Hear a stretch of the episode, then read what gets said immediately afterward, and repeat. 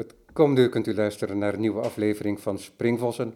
Mijn naam is Robert van Altena en vandaag ben ik op bezoek bij Hannes Walraven. Hannes Walraven, die kent u wellicht als fotograaf en later weer als blinde fotograaf. Onder die titel, De blinde fotograaf, leven en werk van Hannes Walraven, is er een biografisch boek verschenen. Dat is inmiddels denk ik drie jaar geleden, vier jaar geleden wellicht.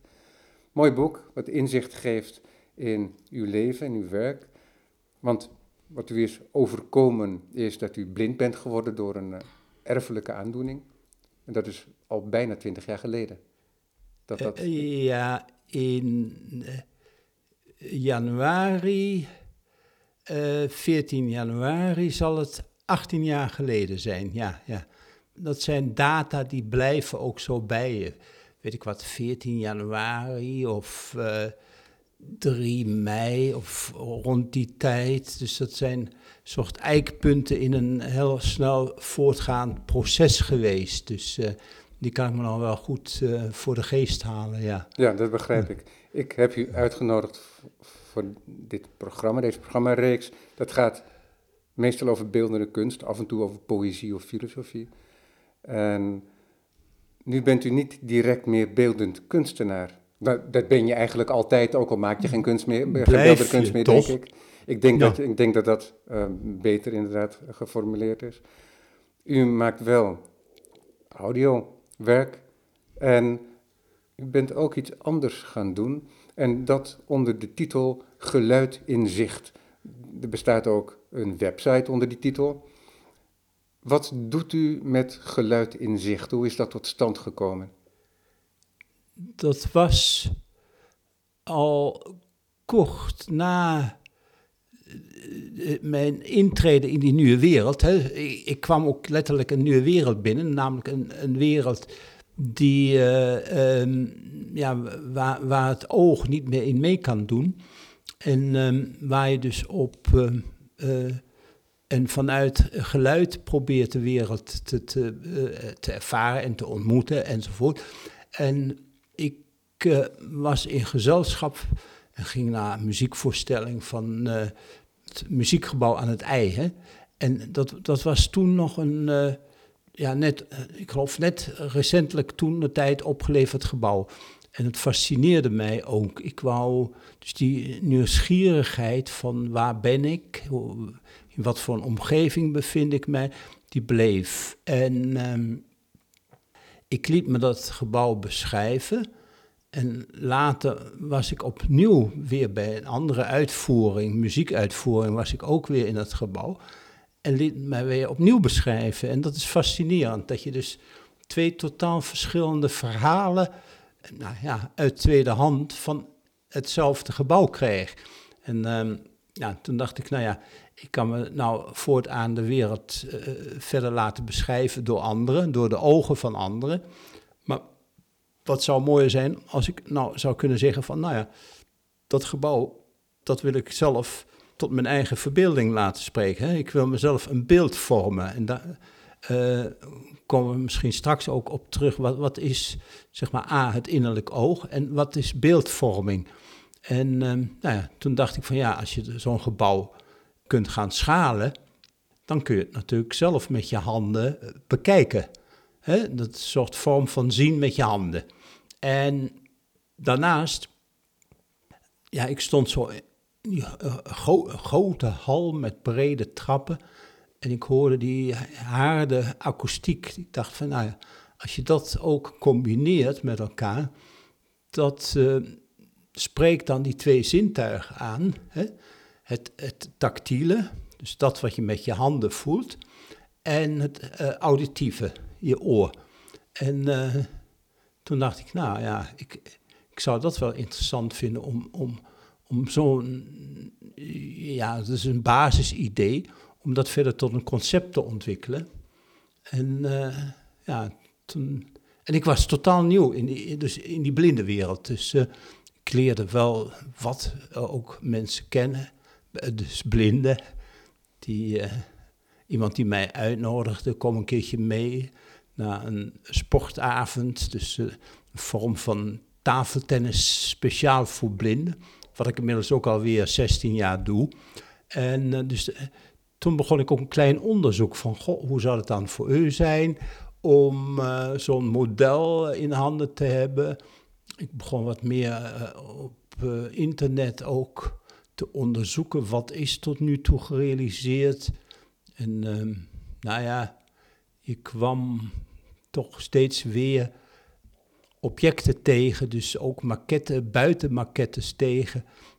Gek genoeg altijd door de Lions Club eh, financieel ondersteund van bronzen buitenmaquettes. En eh, Het was dat niet alleen het relief bij de Martini-toren die u beschrijft. Nou, nou, nou, bij de Martini-toren, daar staat zo'n model.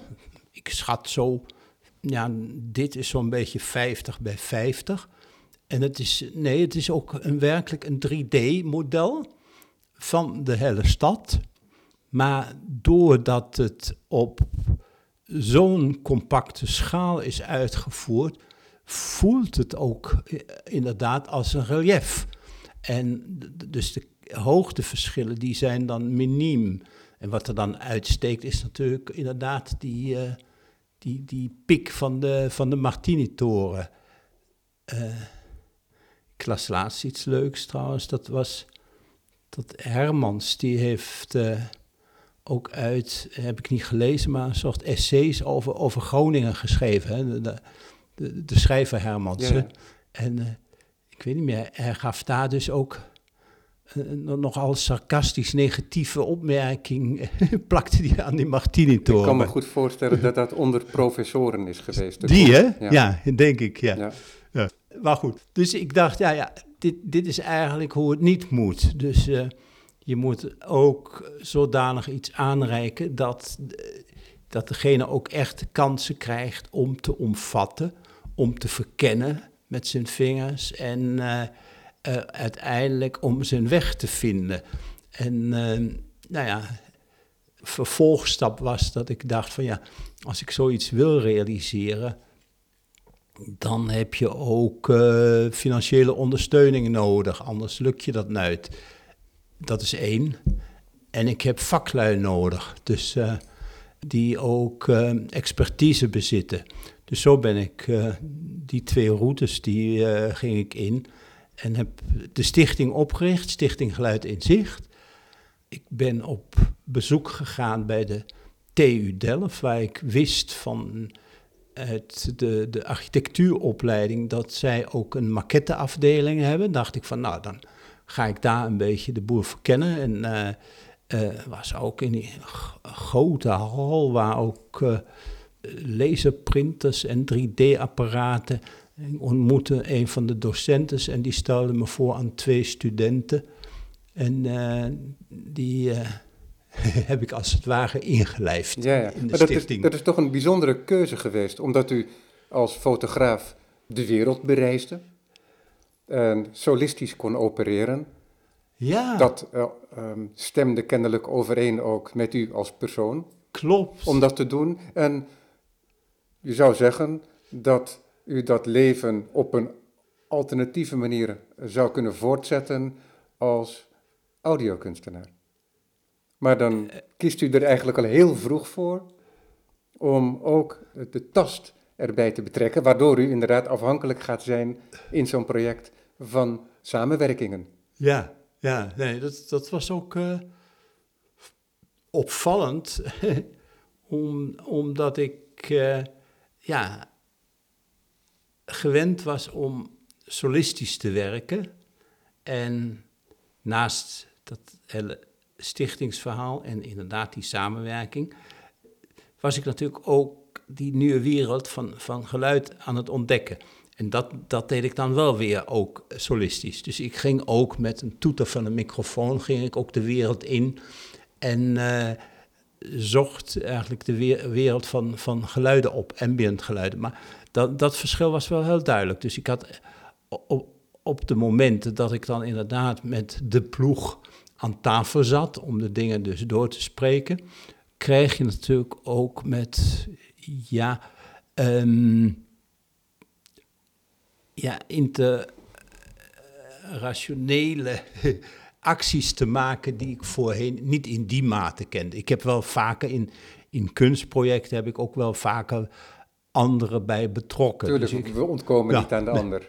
Nee, nee. Dus, eh, maar goed, het, het is natuurlijk dat, dat vak van die fotografie is bijvoorbeeld niet te vergelijken met het vak van een film. Dus de, de film kan niet zonder dat hele eh, gespecialiseerde samenwerkingsverband eh, tussen andere disciplines. Kijk, nou komt weer. Dat, dat is mijn charmante secretaresse op de achtergrond, maar die roept nu iets. Dat er een bericht binnenkomt. ja, dat ze iets wil op de computer. Ik snoer even haar stem. Zo, nou is ze stil. Heeft ze ook een naam? Ik noem haar Femke. Kijk. Ja, maar zo heet ze niet, geloof ik. Voor, voorheen had ik in het begin had ik een Vlaamse dame, dame en die noemde ik Gode Lieve. Kijk. Maar ja, nou ja, dat, dat, dat zie je wel. Dat, dat je dus ehm, ook ehm, andere terreinen ook eh, binnenstapt. Nou, kennelijk was ook de vraag voldoende urgent. De vraag die u zelf stelde, of het mogelijk zou zijn om een beter beeld van zijn architectuur te formuleren in de vorm van een maquette, een model. Ja, ja, En dan geschikt niet alleen voor het oog, maar ook duidelijk voor de tast. nou ju- juist andersom. Dus primair geschikt voor de tast. Ja, En secundair, niet te vergeten, ook het oog. Dus de ziende wil natuurlijk ook iets. En je plaatst eh, zo'n geval ergens. En dat ergens, dat was ik toen ook aan het onderzoeken. Wat, wat is dan, ja, wat staat bovenaan een verlanglijstje? Toen ben ik eh, eigenlijk die, die groep ben ik ook verder eh, gaan vergroten. Hè? De groep blinden slechtzienden en zo. Dus ik leerde meer en meer kennen. Ik leerde ook vrij snel ook de blinde wereld, die ook weer een heel eigen wereld is. Hè? Met eigen media en eh, eigen kanalen. Eh, die eh, leerde ik eh, beter kennen. Ehm, en die wereld richtte zich ook op mij. Omdat ik, had natuurlijk, zeg maar, binnen de fotografie had ik een bepaalde status, een bepaalde bekendheid. En ja, dan krijg je natuurlijk opeens het sensationele van een bekende fotograaf wordt van de een op de andere dag blind. Hè? Ja. Dus dat, dat is natuurlijk ook een beetje een soort Kafkaiaans verhaal. Hè? Dat je op een ochtend wakker wordt en, en je bent gemuteerd. Gregor Samsa. Ja, die, die opeens eh, in, een, in een kever veranderd was. Maar dat overkwam mij natuurlijk ook. Dus dat, dat, ja, dat, dat wekte gewoon eh, toch heel veel interesse op en ook veel eh, angsten. Ja, precies. Ja. want ik herinner mij ooit een filmpje gemaakt te hebben waarbij ik ook wat mensen interviewde uh, die op het blindeninstituut hadden rondgelopen en als jonge blinden. En ik, er is één frase, een hele korte frase, die in mijn hoofd gebeiteld zit en af en toe weer in me opkomt. Want een van die mensen, een, een man, die zei tegen me, ja, vroeger, toen liepen we langs hekken.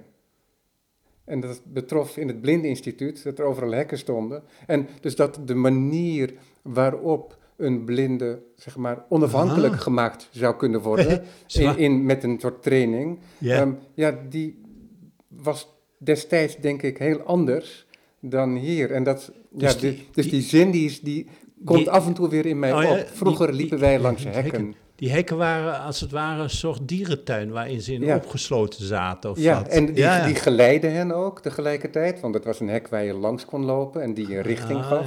Ja. Ja. Maar ja, tegelijkertijd kun je toch ook niet aan de gedachte onttrekken dat dat begeleidende hek ook het afschermende hek is van de maatschappij daarbuiten. Hè, de, de blinde be- begaf zich minder in de maatschappij. Ja, ja, ja. Maar goed, dus De- de- dat deel ik nu even met u. Maar dat echoot af en toe nog in mijn hoofd, die frase. En dan bent u als blind geworden fotograaf, ja, begeeft zich dan vreemde, vreemde eend in de in bijt. die wereld. En daar heb je Ja. toch wel een zekere moed ook voor nodig, denk ik, om Ja. ja, als blinde die wereld weer te betreden. Nou ja, ik kom ook af en toe over, dat was dan bij, ontmoetingen of op sportavonden kon ik me wel eens over bepaalde blinden ook verbazen. Zeg maar, over, over hun uh, ja, uh, reactie en hun sociaal gedrag. En pas later begreep ik, kreeg ik ook te horen, nee, dat zijn allemaal lui die hebben in een instituut gezeten. Dus A, hebben ze geleerd om ook hun ellebogen te gebruiken. En uh, zijn nu in, in die bredere wereld uh, hebben ze geleefd. En hebben ze die ook nooit kunnen, kunnen verkennen. Hè? Dus ja, daar kun je ook wel eens met verbazing naar kijken. En zo kijk ik ook inderdaad af en toe ook naar mezelf hoor.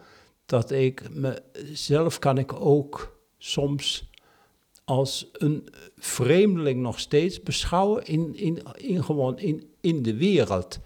Omdat de wereld, voorheen was het natuurlijk een wereld waar ik de focus, focus juist ook door, door, door, door mijn vak. Dus ik had razendsnel, kon ik iets inscannen. Hè? En uh, dus dat, uh, dat je één keer je hoofd draait en je, je, bent in een vreemde omgeving. En je hebt die hele vreemde omgeving heb je onmiddellijk opgeslagen. Ja. Dus nu, in die nieuwe wereld, werkt dat dus heel anders. Dus dat, dat zit ook een beetje in, die, in dat verlengde van die maquette. Dus je moet alles ook sequentieel moet je dan echt ontmoeten. Dus pas als je je vinger langs uh, het oppervlak hebt uh, verplaatst en uh, een brede kant en een lange kant hebt gevoeld, dan weet je wat, een, wat die tafel is. Ja, het, het, is het is voor mij bijna niet voor te stellen natuurlijk. Ik ben wel eens meegeweest op een tour van Sarah van Lamsweerde, die u ook kent. Ja. En die heeft verschillende performances uh, waarbij het publiek, en waar ik dan ook een deel van was, aan mee kan doen. En dan werden we geleid langs beelden in de openbare ruimte, geblinddoekt. En dan konden we die uh, met de tast verkennen. Dat is niet hetzelfde. En ik kreeg er ook, ik bedoel, sommige beelden kende ik ook, dus dat, dat, dat scheelt weer. Er was al visuele informatie. Ja. En ik ben wel eens na een flink ongeluk. Um, had ik een zware hersenschudding, waardoor ik um, niet meer kon lezen en slecht tegen licht indrukken kon. En dat, toen heb ik een half jaar lang eigenlijk alleen maar muziek geluisterd, uh, audioboeken geluisterd. En ik luisterde naar films. Ah ja. Niet Ja. elke film die leent zich daar helemaal voor. Maar, ja, maar dan ben je inderdaad gedeeltelijk aangewezen op je gehoor. Maar dan nog kon ik beschikken in mijn huis over mijn ogen natuurlijk. Ja. Dus op het moment dat dat helemaal niet meer mogelijk is, dat punt, dat kun je niet simuleren. Ja, tenzij je jezelf de straf oplegt dat ik mezelf helemaal laat verblinden en dan een Ja. week lang Nee. probeer rond te gaan. Dus jij nam een klein kijkje in die wereld. Ja, nog En- niet eens. en- ja, Ja. eh, ja, je proefde er even aan. Hè? Ja, ja. En, eh, eh, en nou ja, mm, gelukkig dat je dan even later ook weer, weer terug kon naar, naar het oude ik of zo, hè? Ja. toch? Ja, ja, En die terug, weg terug, die was u niet geboden. En bij u Nee. was de blindheid ook bijna volstrekt. En vrij in een hele korte periode. Dus een aanpassingsperiode was er niet van een eh, langzame verduistering. Nee, nee, het, het- nee het, het, het was een, een razendsnel proces. En binnen dat razendsnelle proces nam ik zelf ook razendsnelle bes- besluiten.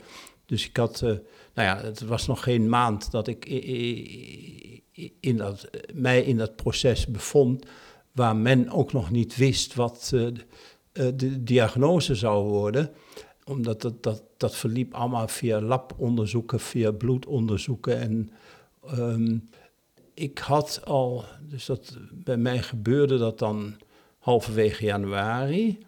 En ik had voor begin april had ik al een reis naar Curaçao, samen met mijn partner had ik voorbereid om daar tot een nieuw beeldproject te komen. Zeg maar. Ja, een beetje het thema van de eh, culturele identiteiten van een eiland. En ehm, daar had ik eerder, ja, en dat was drie maanden eerder, had ik, eh, dus eh, eh, wij hadden samen vakantie gevierd op Curaçao. Ja, en je bent aan het rondneuzen en dan ontstaan ook weer nieuwe ideeën. En uit ideeën vloeien projecten voort. En dat wou ik nu toen daar gaan realiseren. En dat kon natuurlijk niet. En eh, toen werd ik ook een beetje in het diepe geduwd door, ook door een vriend van mij. En die zei, nou ja, god, eh, als er beelden gewoon in je hoofd ontstaan... Zo kun je mijn beeldbenadering van de werkelijkheid ook soms om, omschrijven.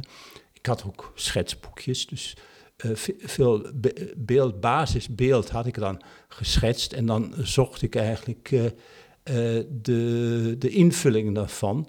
Maar als je dat dan zo in je hoofd hebt, dan kun je het ook met geluid doen. Dus toen dacht ik van, verrek ja. En toen ben ik met betreffende vriend, zijn we gewoon echt meteen twee dagen later naar een grote, grotere audiozaak gegaan. En hebben de meest grotere digitale geluidsrecorder met de meest grote knoppen gekocht, die ik dan eigenlijk nog zou kunnen zien. En ben ik met mijn vrouw naar Curaçao vertrokken.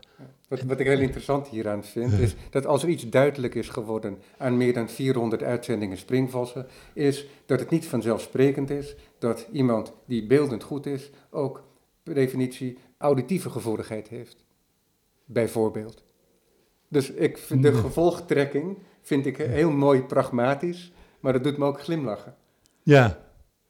Nou ja, nee, nou ja, eh, eh, in die zin, het, het was ook heel experimenteel. Hè? Ja, En waar ik binnengeluid ook uit ging putten, was natuurlijk mijn documentair verleden. Zo ben ik uit als fotograaf begonnen.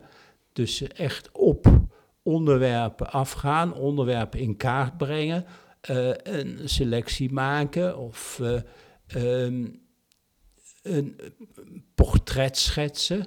En dat ging ik dus eh, ook op Curaçao heb ik me daarin geoefend. Van, zou dat niet ook eh, een beetje de, de radio maken op pad of zo? ja. En dan ook een klankbeeld daaromheen zoeken. En eh, dat, dat waren zo mijn eerste, eerste stappen. Nou, dat is wel mooi dat u dan terug kon grijpen inderdaad op eerdere ervaringen als fotograaf.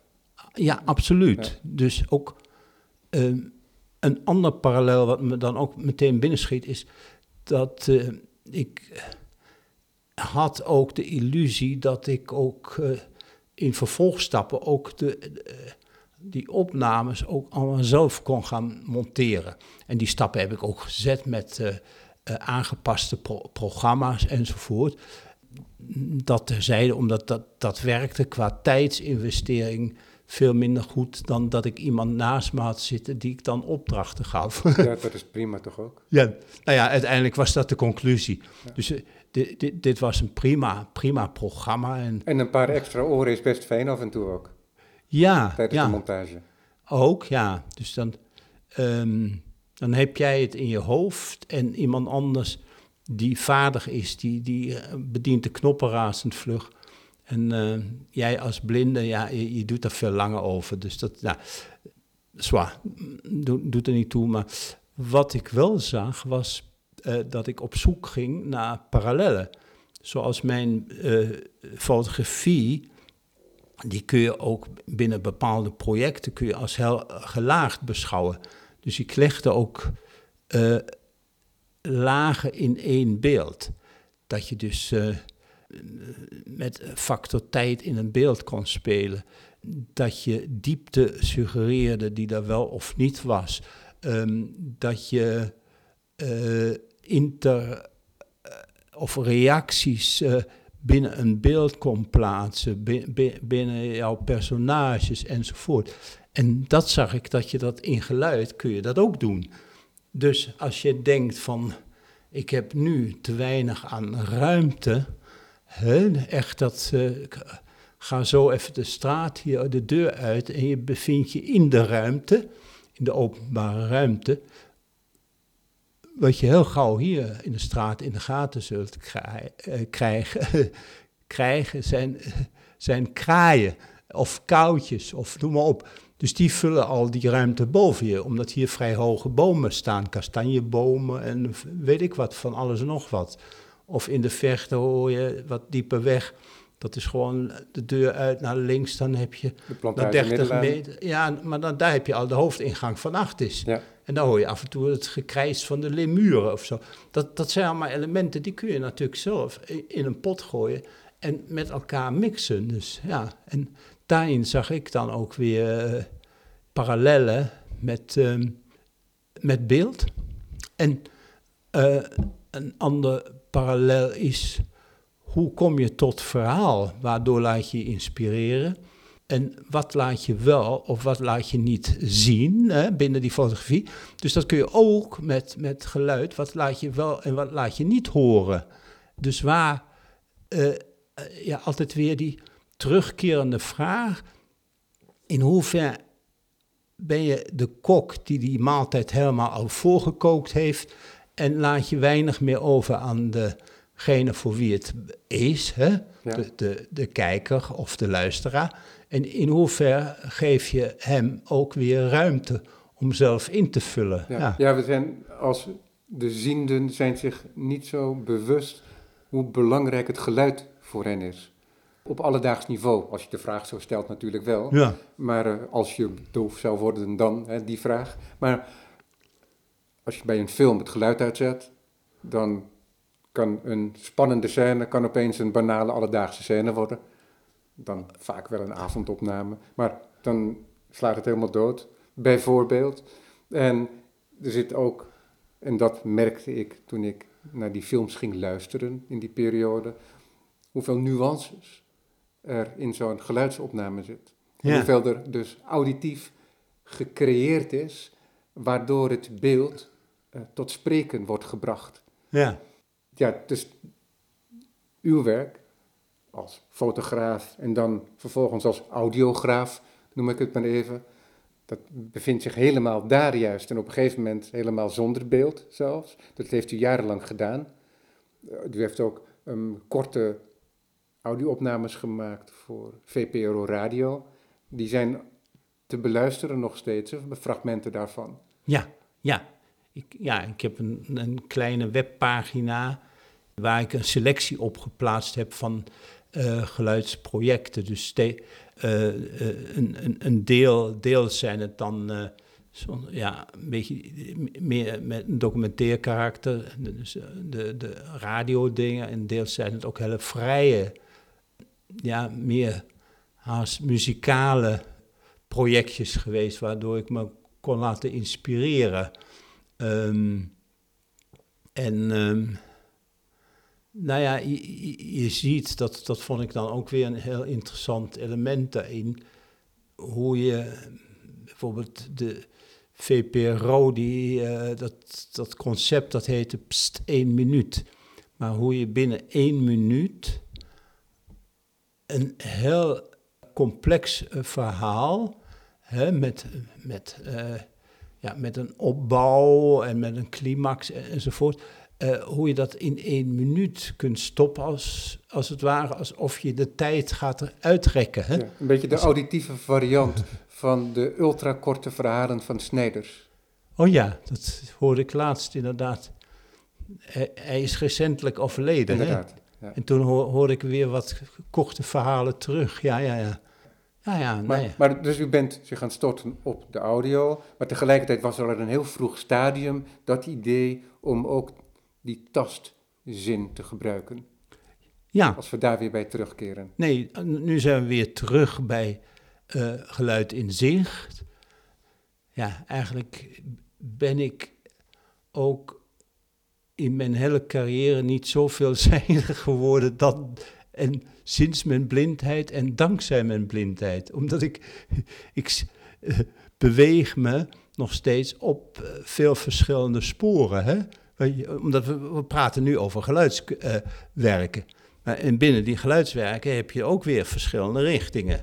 En nou ja, dat heb ik de laatste tijd weer wat, eh, ligt het wat stiller, omdat ik me nu weer richt veel meer op eh, eh, die on- de ontwikkelingen van, eh, van die modellen, van maquettes. En, eh, ik herinner me trouwens, en onderbreek even, maar ik- dat ik weer eens vanaf Whitechapel Gallery in Londen een audiowandeling heb gemaakt. En dat is een werk van Janet Cardiff, Oh, Canadese audiokunstenaar. Of Ja. ik weet niet of ze alleen met audio werkt, maar onder andere. En dat was een, dan heb je een koptelefoontje op en dan wandel je de galerie uit bij Whitechapel. En dan was mijn wandeling richting het dichtstbijzijnde station, dat is Liverpool Station, denk ik. En dat is heel surrealistisch was dat. Alleen maar omdat je een geluid toegevoegd krijgt aan de werkelijkheid. Je loopt als ziende door Ja. straat en er worden gebeurtenissen beschreven. En die zich niet per definitie voordoen. Dus als je het niet ziet, dan betekent dat je niet goed hebt opgelet. Of dat het zich aan je zicht onttrekt. Maar soms is- er een samenloop van omstandigheden waardoor dat beschrevene ja. zomaar voor je lijkt te gebeuren ook. ja. Dus het is, als, dus heel, hele... Bijvoorbeeld, je, ont- je ontmoet iemand en je draait je om en je ziet diegene niet, maar je, hebt hem wel in je oor zitten dan. Hè? Ja, Ja, precies. ja. precies. Ja. En nou, maar goed, dat, dat om eh, een idee te geven van wat een indruk audio eh, kan maken op een manier waar, die we niet gewend zijn. En hoe je ook een hele wereld tevoorschijn kunt toveren. Zeker. Wa- Wat, eh, in, met zo'n voorbeeld, wat zij doet, is om, om, omdat jij wordt de, de, de werkelijkheid van dat moment ingestuurd.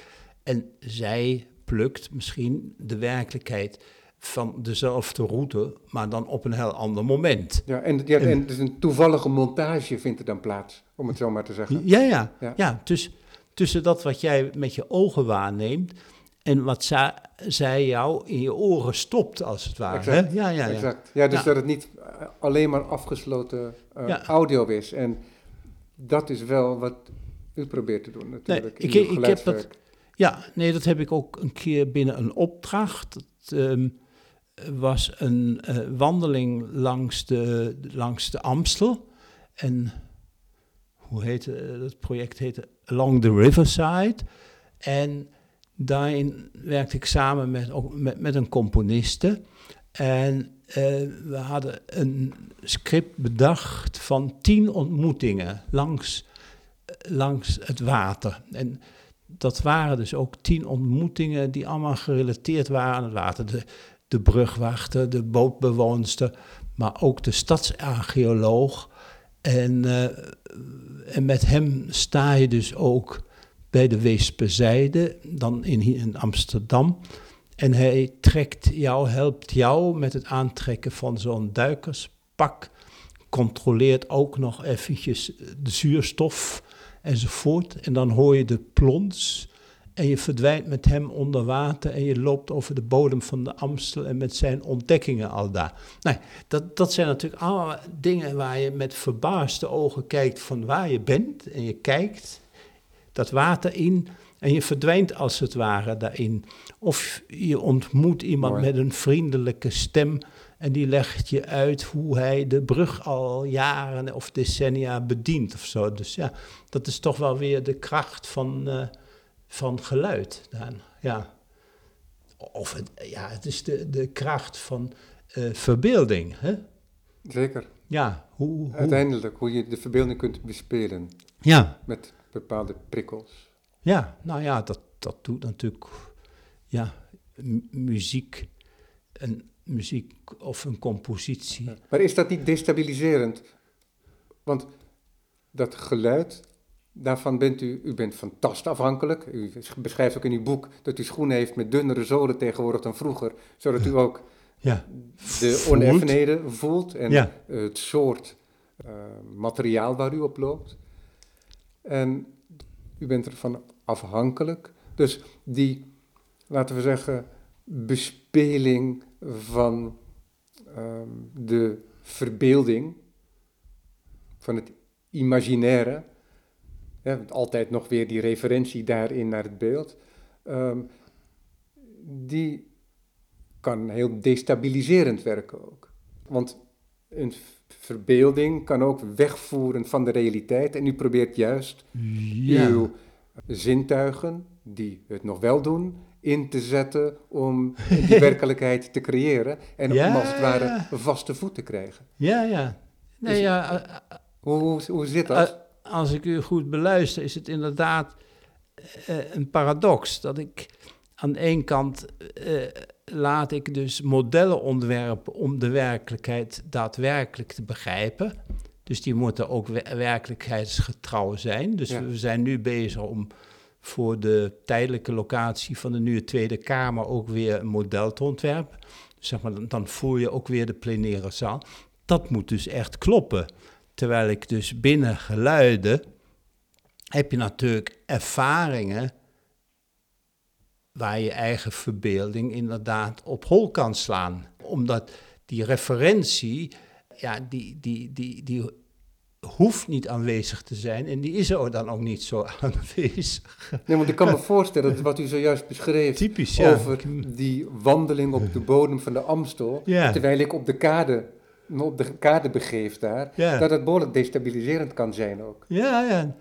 Nou ja, nee, ik, ik, ik, ik, weet je, ik, ik ben ook vaker de kluts kwijt hoor. Dus dat, eh, maar dat heeft ook meer met eh, mijn geest te maken en met ehm, een, een eerder losgeslagen fantasie.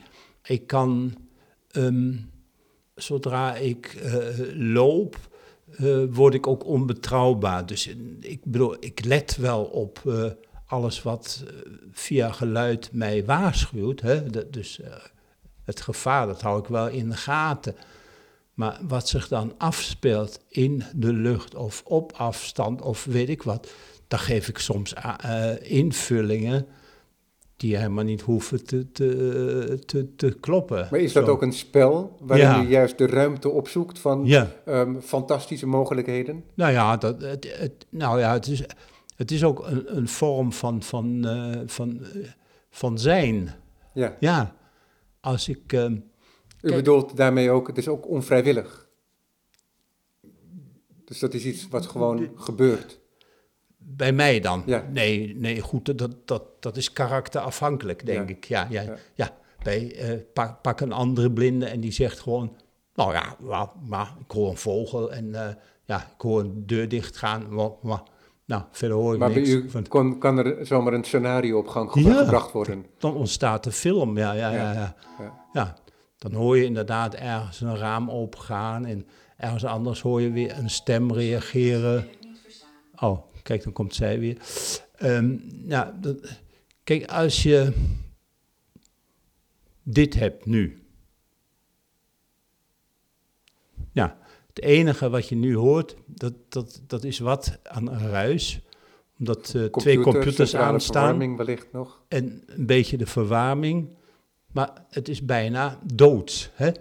En je hebt natuurlijk een bekend voorbeeld van de dode ruimte.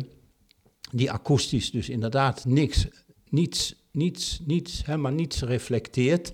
Ja, da- dan, daarin verdwaal je wel in je eigen geest. Maar, Ja, ja, dat lijkt me een vrij angstige ruimte, Ja. moet ik eerlijk zeggen. Want u beschrijft dat ook in uw boek. ja, En dat lijkt me heel ongemakkelijk. ja, is het ook. Ja, Want het is al vreemd, want wij nemen dit nu op hier in uw werkkamer.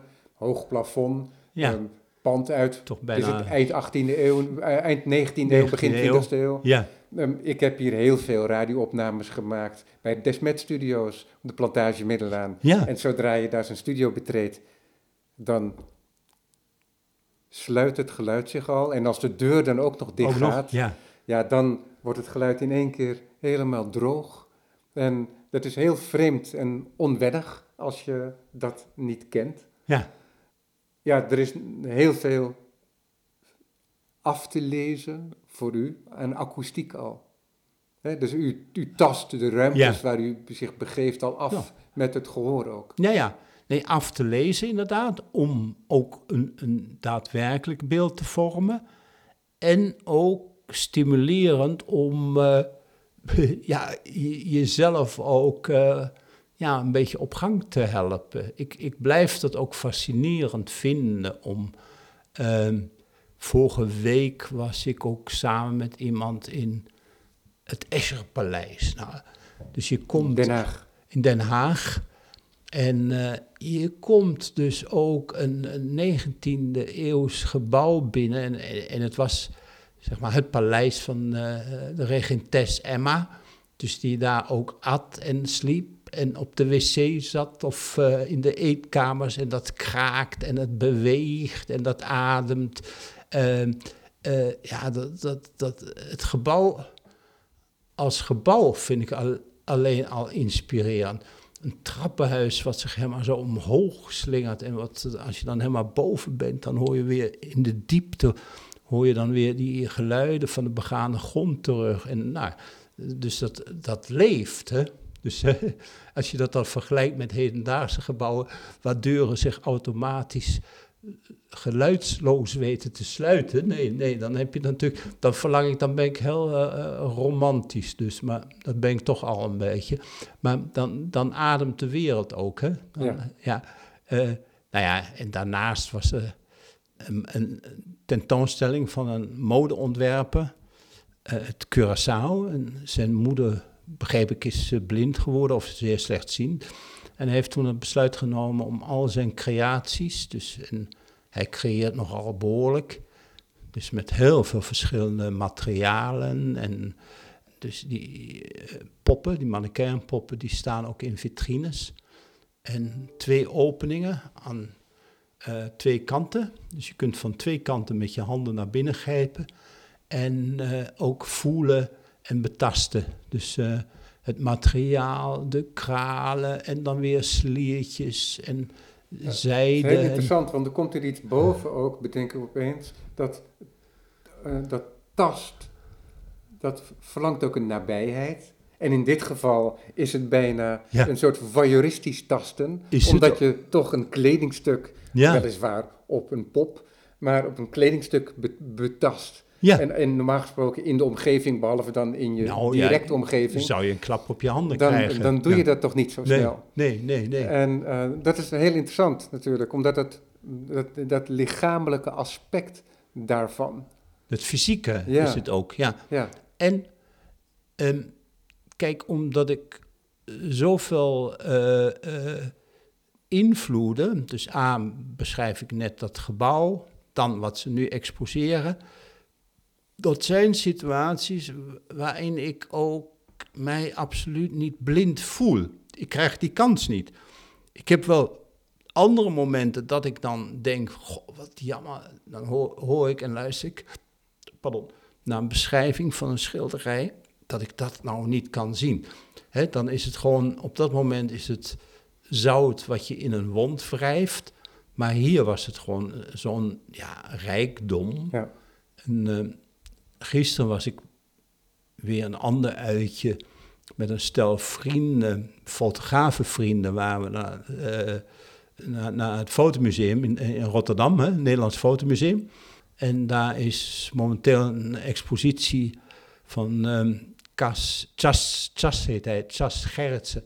Over, hij heeft die hele eh, periode van de uh, in Chili heeft hij gefotografeerd. En ik, ik ben twee keer dus voor, voor mijn werk ook naar Chili geweest. Maar dus niet in 73 toen het misging daar en toen die koep gebeurde.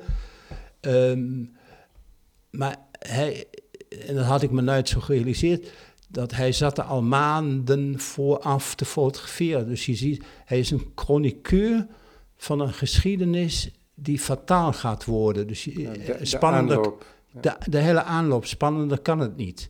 En dus ik had ook uh, twee uh, om me heen die alle twee weer wisselend de beschrijvingen gaven. Dus, uh, en toen heeft de een, Flip, die heeft de directeur gemaild. En ik las net vanochtend die mail. Goh ja, ik had het met Hannes daarover. En Hannes die vond toch dat je zoiets ook met audiodescriptie toegankelijk moet maken. Nou, dat, dat lijkt me ja, prima om, om, om juist dat soort belangrijke geschiedenismomenten op die manier ook weer ook, ja. Uh, ja, te, ja. Te, te, verhalen. Ja, ja want wat, wat ik dan interessant vind, want we bewegen elke keer weg van die maquettes. Dat oh, is ja, heel nee. interessant, omdat dat hetgeen is wat u, waar u uw dagen nu voornamelijk mee vult. Ja.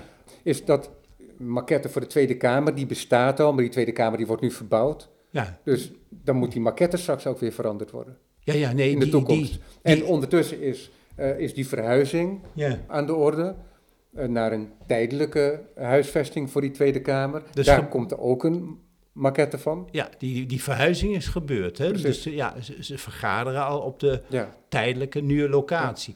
De oude maquette, dat dachten zij zo. Dus de eh, di- directeur eh, eh, huisvesting en financiën, die dacht van... Nou ja, dan nemen we die maquette mee. En zo was het mij ook eh, gemaild. En dan plaats je gewoon andere geluiden in. Dus het heeft... Per mail was het onmogelijk om, om hem, hun duidelijk te maken dat je niet zomaar een model kunt veranderen en verschuiven naar een ruimte die niet meer identiek is. nee, dat is absurd. Ja, maar toen had ik met hun de bespreking al daar in de Statenpassage. En toen zei hij heel spontaan, ja, maar wacht, vier meter verderop staat die maquette. En binnen een halve seconde zei hij ook, oh, nou ja, nee, ik begrijp het helemaal. Dus we moeten gewoon een, tot een nieuw model komen. Ja, Ja, dat, dat, ja, dat was ja. duidelijk. Ja, maar dat laat ook meteen zien hoe moeilijk het is om je in de ander te verplaatsen. Ja, Ik zeg wel eens, dat is datgene waarin de mens zich onderscheidt van andere dieren. Dat ze zo goed in staat zijn om zich in de ander te verplaatsen. En tegelijkertijd is dat binnen de mensheid ook altijd de grote barrière. Namelijk het probleem dat mensen zich zo moeilijk in een ander kunnen verplaatsen. kunnen verplaatsen, ja, Ja. ja. ja, ja. Ja, maar wat ik nou zo boeiend vind, is dat u ook bezig bent met een maquette voor het Rijksmuseum. Ja, ik, ik, ik pak hem daar even bij. Ja, prima. En, eh, Ik praat ondertussen eventjes door ook, want wat ik nou zo interessant vind daaraan, kijk, ik kan me voorstellen die Tweede Kamer, maquette, eh, dat is toch ook eh, symbool van onze democratie, dat moet voor iedereen toegankelijk zijn. ja, En het huis dus, van de dus democratie. precies, en dan is dat eigenlijk vrij vanzelfsprekend en eigenlijk gek dat we op de blindheid van Hannes Walraaf hebben moeten wachten om dat ook voor blinden toegankelijk te maken, inzichtelijk te maken. En wat, Nee, ik heb nu ook heel recentelijk, ehm, ja, ja, twee weken geleden, waren we in het eh, Van Gogh Museum. En eh, daar is een eh, maquette gere- gerealiseerd, waar, waar ik geen bemoeienis mee had. Dus misschien dat ik anderen heb kunnen inspireren, maar dat model is helemaal los van mij ook ontwikkeld Nee, en gerealiseerd. Ja. Dus ik, je ziet wel Nee, maar wat ik, wat, want er is, een- er is een onderscheid, vind ik, tussen het maken van een maquette voor het Huis van de Democratie en dan vervolgens het maken van maquettes voor musea, van musea. Dat zijn instellingen met beeldende kunst, waar een blinde eigenlijk geen toegang toe heeft, omdat je niet met je handen aan een schilderij kunt zitten. Dat mag alleen de schilder zelf. en, ehm, en die zijn over het algemeen in die musea al vaak overleden. En daar heeft het Van Gogh Museum, weet ik, ook van die, van die structuren gemaakt, waardoor een schilderij van Van Gogh ook te, Ah, te ja. betasten is. Ja, ja. En, maar dat toegankelijk maken en inzichtelijk maken van zo'n museum, als bijvoorbeeld het Rijksmuseum, eh, dat is weer een heel ander project. En dat museum, dat is drager van al die visuele kunst. Kijk, u bent daar al geweest. U bent daar al geweest, omdat u een verleden heeft als een ziend persoon. ja, kijk, je, je hebt natuurlijk een aantal niveaus daarin.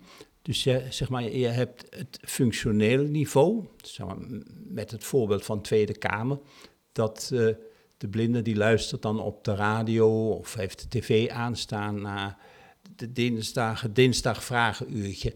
Dus die, die wil dan ook graag weten, ja, maar waar zit dan die voorzitter en waar is dan het spreekgestoelte en waar eh, is de interruptiemicrofoon? Dus dat, dat, heeft, eh, ja, dat, eh, dat is heel functioneel. Hè? Ehm, ten tweede krijg je wel ook weer een, een beeld van hoe die hele Tweede Kamer in elkaar steekt. En een, een, een, eh, gebouwervaring. Hè? En dat speelt natuurlijk bij zo'n model. Ik laat hem even een beetje klepperen.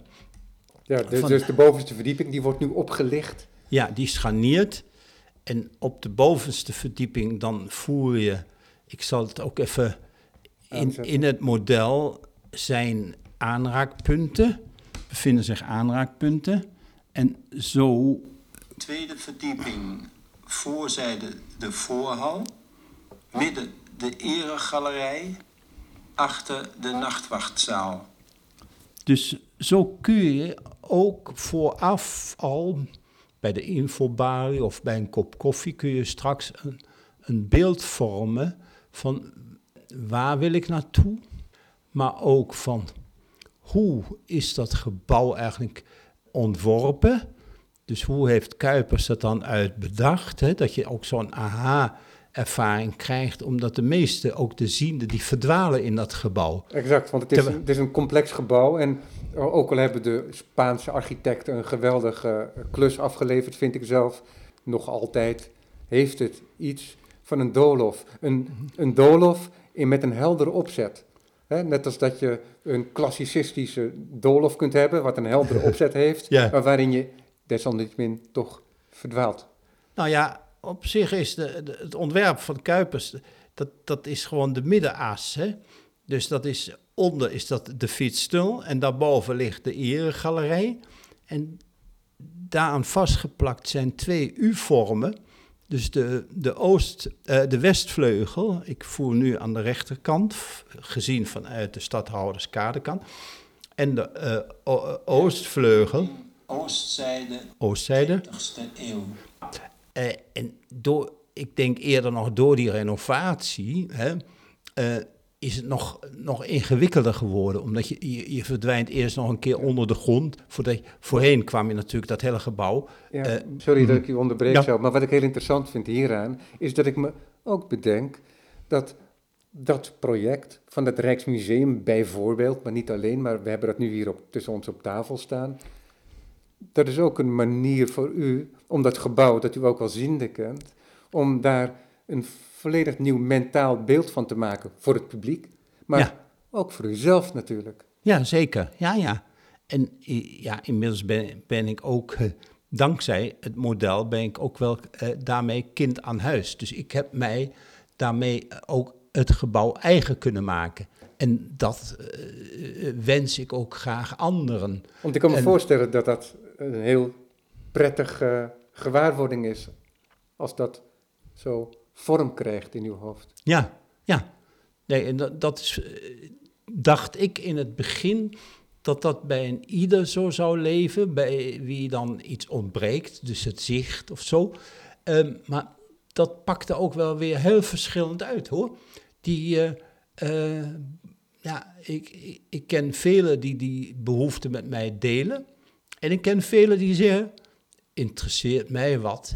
Als ik maar weet hoe ik bij de wc's kan komen en de rest, eh, hoe, hoe, breed, hoe diep, hoe hoog of zo, dat hoef ik allemaal niet te weten. Nou Ja, ja, want nou kan het ook zijn, want dit is door u gemaakt, niet in uw eentje, maar hè, u, geeft, u, u geeft dat toch vorm.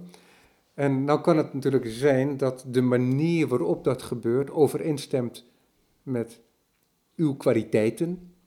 En dat dat niet voor iedereen is en dat er ook daarin verschillende maquettes, verschillende interpretaties van die architectuur zouden kunnen bestaan. Ook, in, Ook. in maquettevorm. ja, ja, maar dan vertrek je inderdaad van dat iedereen vanuit een be- bepaalde nieuw, nieuw- nieuwsgierigheid ook eh, eh, tot iets wil geraken. Ja. Maar ja, god, kijk, maar wat, wat ik merk is ook dat ehm, in, in die blinde wereld, ja, god, zo, dat, dat interesse voor, voor gewoon een Rijksmuseum, ja, dat is ook maar bij, ligt bij een specifieke groep. Kijk, dat, dat, dat zeg je dan altijd zo mooi van, ja, dat is net zoals bij de ziende wereld. Ja, precies. Nee, dat is niks, dat is niks anders. Maar Nee, ter, ter- mensen. ter afronding, want we zijn aan het einde van de opname. Hoe Hmm. lang denkt u nog nodig te hebben voor die ontwikkeling eh, van die maquette van het Rijksmuseum? Nou ja, zij, zij hebben zelf nu een nieuwe stap gezet. Dus volgende week kijken we, omdat ze hebben nu ook een eh, bedrijf ingeschakeld die ook met indoor navigatie eh, ehm, dat ontwikkelen. Waardoor er ook een interactieve vorm Ja, ja, eh, en dan krijg, dan krijg je een verlengstuk. En je krijgt interactief, je wordt echt gestuurd. En ik heb het één keer nou gelopen. Je, je wordt bijna op decimeter nauwkeurigheid ook door deuren heen gestuurd. Ja, dus, ja. eh, Ik moet, we moeten het gesprek helaas afronden. Hannes Walraven, Hartelijk dank en succes met Oh, het project. Stadhouderskade, tweede verdieping. Voorzijde de. Ik zet hem even uit, zo lang. Maar hartelijk dank. Ja, nee, graag gedaan. Ja, ja, ja. Ik hoop dat je wat eh, meer te weten bent gekomen over niet alleen die Hannes Walraaf, maar ook de blinde wereld.